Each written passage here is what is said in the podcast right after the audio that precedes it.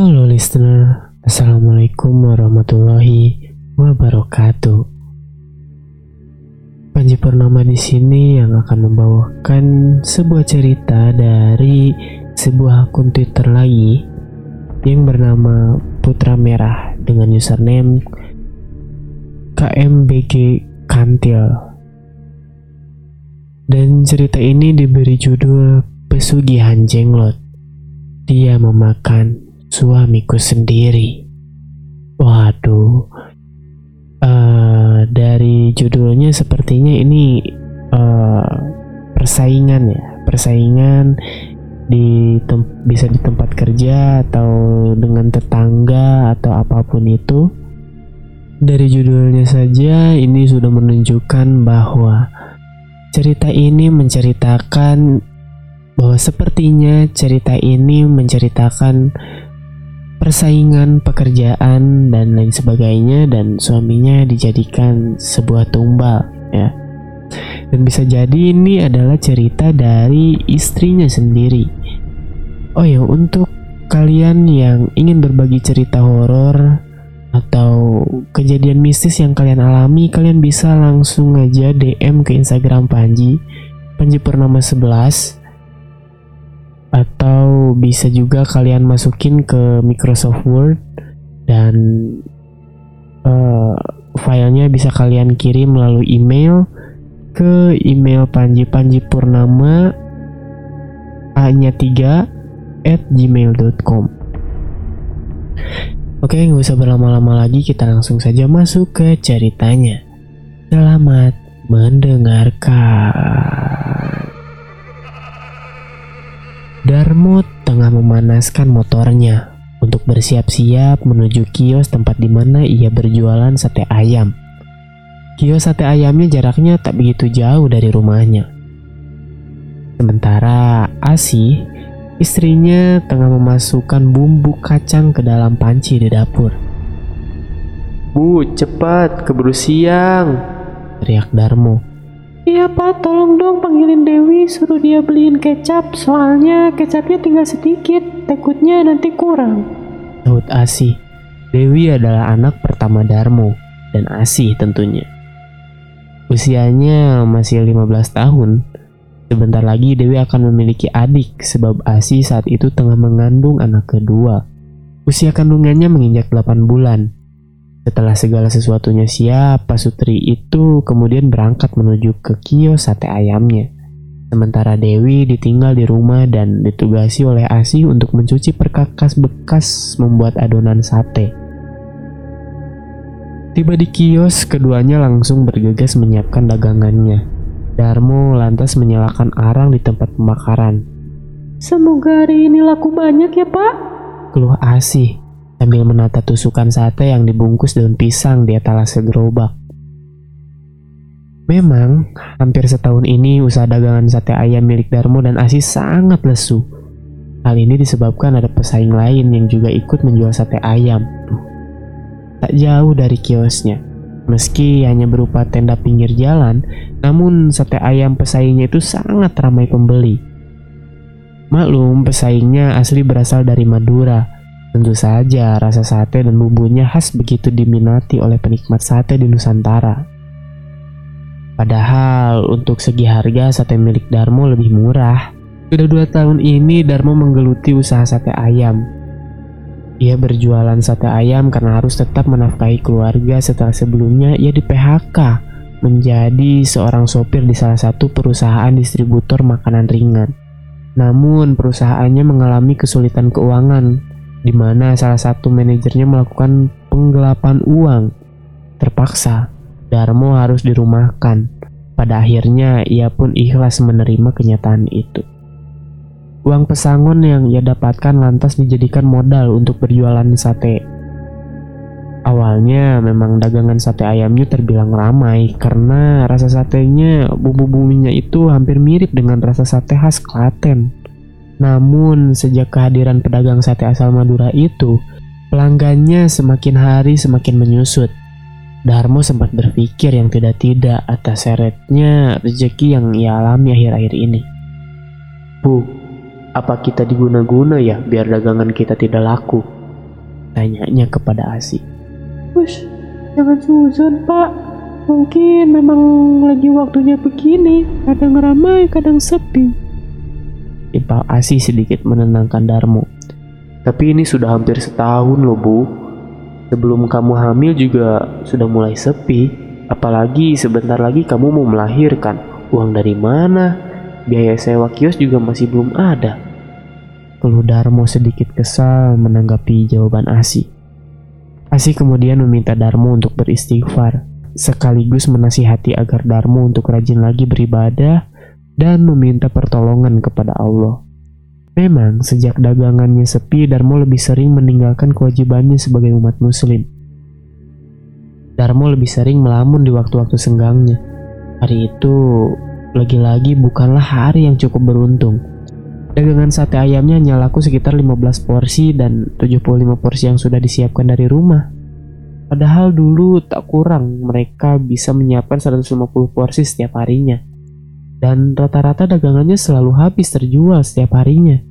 Tiba di rumah, Asi langsung memasukkan dagangan daging sate ayamnya yang masih tersisa ke dalam kulkas. Berharap daging ayamnya tidak busuk dan bisa dijual kembali keesokan harinya. Mbak, mbak, bikinin bapak kopi. Pinta Darmo kepada anak sulungnya. Asi kemudian menghampiri Darmo yang tengah menyulut api untuk membakar rokok kreteknya di ruang tengah sambil membuka kerudungnya. Ia lalu mengelus-ngelus paha Darmo Sabar ya pak, ini ujian dari Allah. Mungkin kita kurang bersedekahnya. Ucap Asi. Kurang bersedekah gimana? Apa yang mau disedekahkan? Sementara kita saja hidup kekurangan begini. Lihat tuh Dewi, setiap hari tidak pernah aku bekali uang jajan untuk sekolah. Bapak macam apa aku ini? Jawaban Darmo bernada tinggi. Darmo tak jadi menyeruput kopi yang sudah dibuatkan Dewi dan sudah tersedia di meja ruang tamu.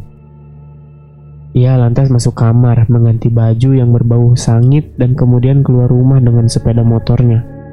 Asi hanya memandang wajah muram Darmo dan tak berani menyapa untuk menanyakan suaminya akan pergi ke mana.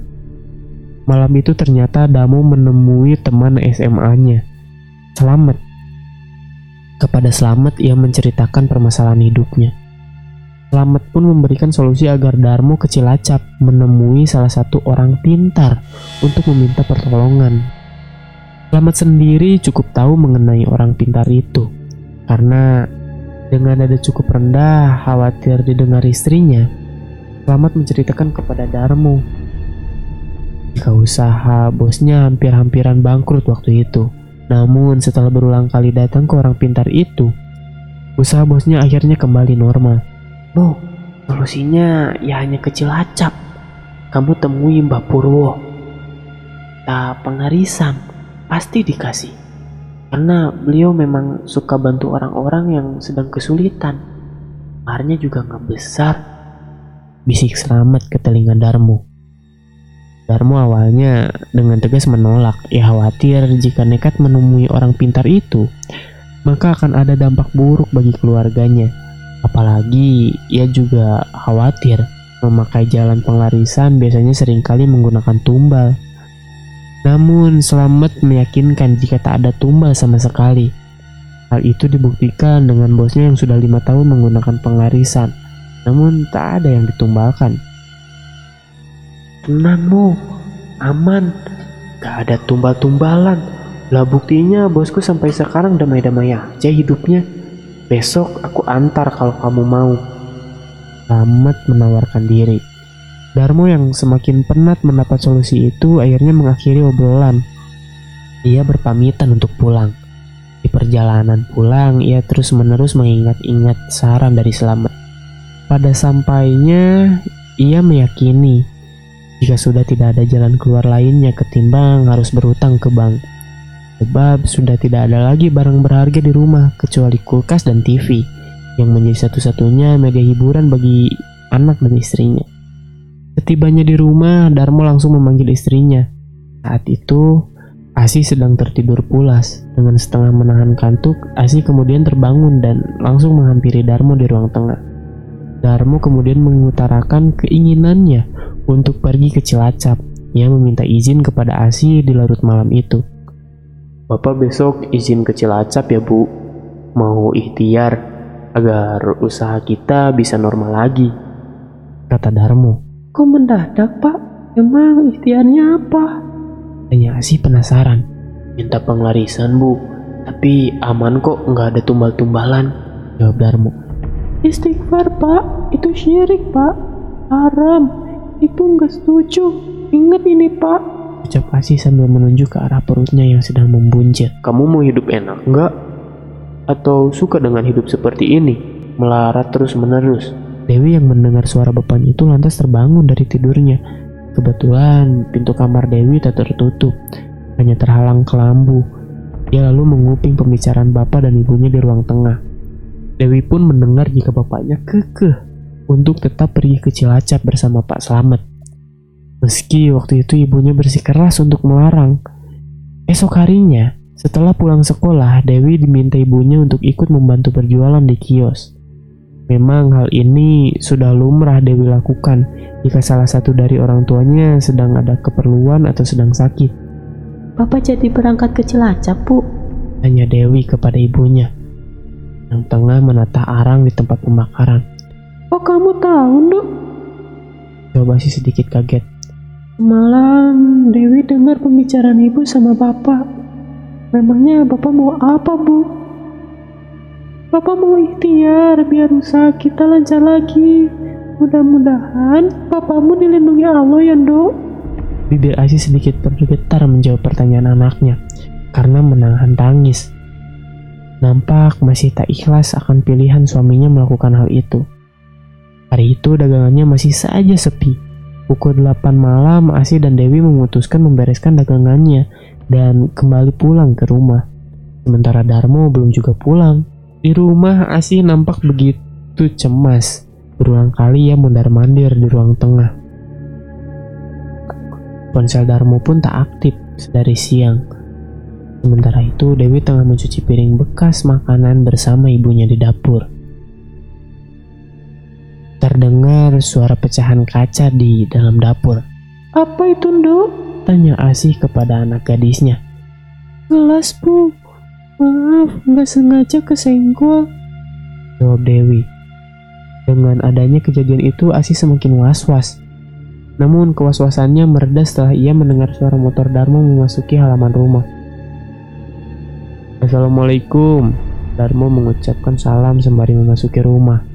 Disapalah istrinya sambil menyodorkan bibirnya dan mendarat tepat di kening Asi. Alhamdulillah, Pak. Sampai juga aku dan aku aku dan Dewi cemas, Pak, nungguin Bapak dari tadi. Ucap Asi. Darmo terkekeh. Raut mukanya menunjukkan kebahagiaan. Berbeda dengan hari-hari biasanya, di mana ia selalu terlihat murung. Dijinjingnya tas hitam kecil menuju kamar. Bapak mandi dulu bu, keringetan. Nanti bapak cerita ya, kata Darmo. Keluar dari kamar menuju ke arah kamar mandi seraya mencubit pipi Dewi. Selepas mandi, Darmo meminta Asi untuk membuatkan kopi dan mie instan. Sementara Dewi masuk ke kamar untuk mengerjakan PR. Sambil memakan mie instan, Darmo bercerita bahwa ia akan kembali ke Cilacap tiga hari lagi. Setidaknya ia akan menginap selama seminggu di sana. Pokoknya tenang bu, aman. Ibu nggak perlu khawatir atau berpikiran aneh-aneh. Semuanya aman, nggak ada yang berbahaya, kata Darmo meyakinkan istrinya. Melihat suaminya pulang dengan kondisi yang baik-baik saja, Asih pun lantas mempercayai perkataan Darmo. Asih mencoba berprasangka baik dengan maksud suaminya itu.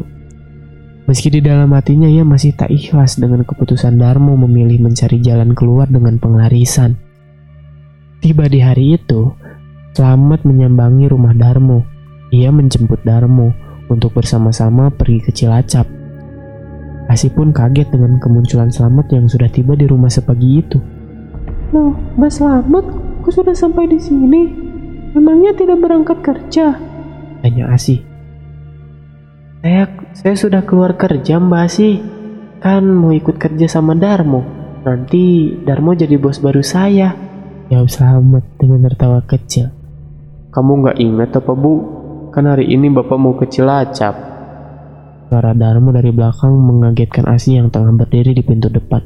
Astaga, ibu lu. Astaga, ibu lupa, Pak.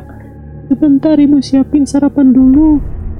Dewi keluar dari dalam kamar lalu bersiap-siap pergi ke sekolah. Ia pun lantas berpamitan kepada Darmo dan Asi. Seperti biasanya, Dewi tak pernah sarapan terlebih dahulu. Dewi berangkat ya, Pak. Bu, Assalamualaikum. Katanya. Waalaikumsalam. Pakai saja motor bapak, Dok. Bapak mau keluar kota. Motor bapak tinggal. Siapa tahu nanti kamu butuh untuk belanja sama ibu. Kata Darmo sambil memberikan uang saku yang lumayan cukup banyak kepada Dewi. Enggak, Pak. Dewi naik angkot saja. Takut ditilang polisi nanti. Gak salah, Pak. Ini uangnya banyak. Lagi dapat rezeki ya? Alhamdulillah. Kata Dewi dan dibalas dengan tangan Darmo mengelus-elus kepala Dewi. Hidangan sarapan sudah ada di depan meja makan. Asi kemudian memanggil Slamet dan Darmo yang dari tadi berbincang di teras rumah. Keduanya langsung menuju ruang makan dan langsung melahap nasi goreng dan langsung melahap nasi dan langsung melahap nasi goreng buatan Asi. Asi duduk di samping Darmo sambil berpesan agar tak bermain serong selama berada di Cilacap. Wajar Asi berkata demikian. Masalahnya, Asi baru kali pertama ini ditinggal Darmo keluar kota dengan waktu yang cukup lama. Tentu saja ada rasa was-was di dalam hatinya. Namanya laki-laki, bisa saja tergoda dengan wanita lain saat jauh dari istrinya. Setelah selesai sarapan, Darmo kemudian masuk ke kamar dan memasukkan beberapa baju ganti untuk ia bawa ke Cilacap. Ia lalu memberikan sesuatu yang dibungkus koran kepada Asi. Bungkusan kecil itu berisi uang, namun Darmo tak menjelaskan dari mana uang itu ia dapatkan. Asi pun hanya mengangguk dan mengucapkan terima kasih. Ia lalu memanjatkan doa kepada Allah agar suaminya dijauhkan dari malapetaka. Doa itu ia panjatkan tepat di hadapan Darmo. Sekarang kita masuk ke cerita ritual pesugihannya. Pukul satu siang, Darmo dan Slamet sudah tiba di Cilacap. Keduanya kemudian melanjutkan perjalanan menuju ke gunung. nah, lokasinya disamarkan. Lokasi yang sudah ditentukan oleh Mbah Purwo sebelumnya. Tempat ini cukup terkenal di Cilacap. Hmm, Darmo dan Selamat akhirnya kembali naik bus jurusan Cilacap, Jati Jajar. Jurusan Cilacap Jati Jajar Kebumen karena memang lokasi gunung itu berada sekitar 25 km dari Cilacap kota. Tiba di gunung itu, kedua sekawan itu kemudian mencari sebuah warung makan untuk mengisi perut sekaligus menunggu Mbah Purwo. Mbah Purwo menjanjikan akan bertemu keduanya sebelum asyar.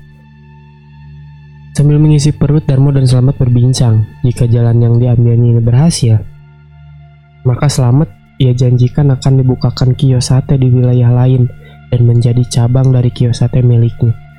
Pokoknya nanti kita harus sukses bersama-sama, Met. Semoga berhasil, kata Darmo. Iya, Mo. Pokoknya nanti kita harus sukses bersama-sama, Met. Semoga berhasil, kata Darmo. Iya, Mo. Aku sudah bosan hidup seperti ini. Pasti berhasil. Buktinya kemarin saja belum apa-apa kamu sudah dikasih uang sama Mbah Purwo. Timpal Darmo. Tak lama Mbah Purwo datang. Ia datang bersama dua orang yang Darmo dan Selamat juga tak mengenalinya. Sudah lama. Sudah lama sampainya, Nak. Sudah lama sampainya, Nak. Maaf lama. Tadi si Mbah cari minyak dulu. Sebagai syarat kalian, perkenalkan, ini Sudir dan Wahyu, murid Mbah. Kata Mbah Purwo. Dharma dan Slamet saling menjabat tangan. Kelima orang itu akhirnya larut dalam obrolan di sebuah warung kecil sebelum diajak Mapuro bermalam di rumahnya. Menjelang petang hari, kelima Menjelang petang hari, kelima orang itu beranjak menuju rumah Mbah Purwo. Dari lokasi gunung itu yang nantinya akan dijadikan sebagai lokasi pertapaan Darmo. Rumah Mbah Puro sendiri cukup jauh dari lokasi gunung itu. Mbah Puro memang bukanlah warga desa di mana lokasi gunung itu berada. Ia juga bukanlah kuncen gunung itu. Namun, untuk perkara satu ini, ia ahlinya. Ia cukup tenar dikenal oleh warga Cilacap dan sekitarnya. Tamunya pun banyak yang datang dari luar Jawa. Sepengakuan Bapurwo, ia dulu menjalani laku tirakat selama lima tahun di gunung itu. Saat menjalani laku tirakat, ia mendapat sebuah wangsit dan bisa menjadi seperti sekarang ini. Menjadi perantara penghubung manusia dengan jin yang ingin mendapatkan kekayaan. Kamarnya sudah disiapkan. Silakan kalian mandi dulu. Nanti kalian tidur di sana ya. Kata Mbah Purwo sambil menunjuk ke arah samping kanan ruang tengah di bawah rumahnya. Darmo dan Slamet berpamitan untuk masuk ke dalam kamar. Keduanya langsung membereskan barang bawaannya dan bersiap untuk mandi. Setelah selesai mandi, kedua sekawan tadi menuju ruang tengah. Mbah Sri, istri Mbah Puro menyuruh Darmo dan Slamet masuk sebuah kamar. Ternyata Mbah Puro sudah menunggu di dalam kamar. Saat membuka kamar, aroma dupa dan kemenyan menyeruak ke dalam hidung mereka berdua. Kamar itu merupakan tempat praktik Mbah Purwo, Ternyata Sudir dan Wahyu juga sudah ada di dalam kamar.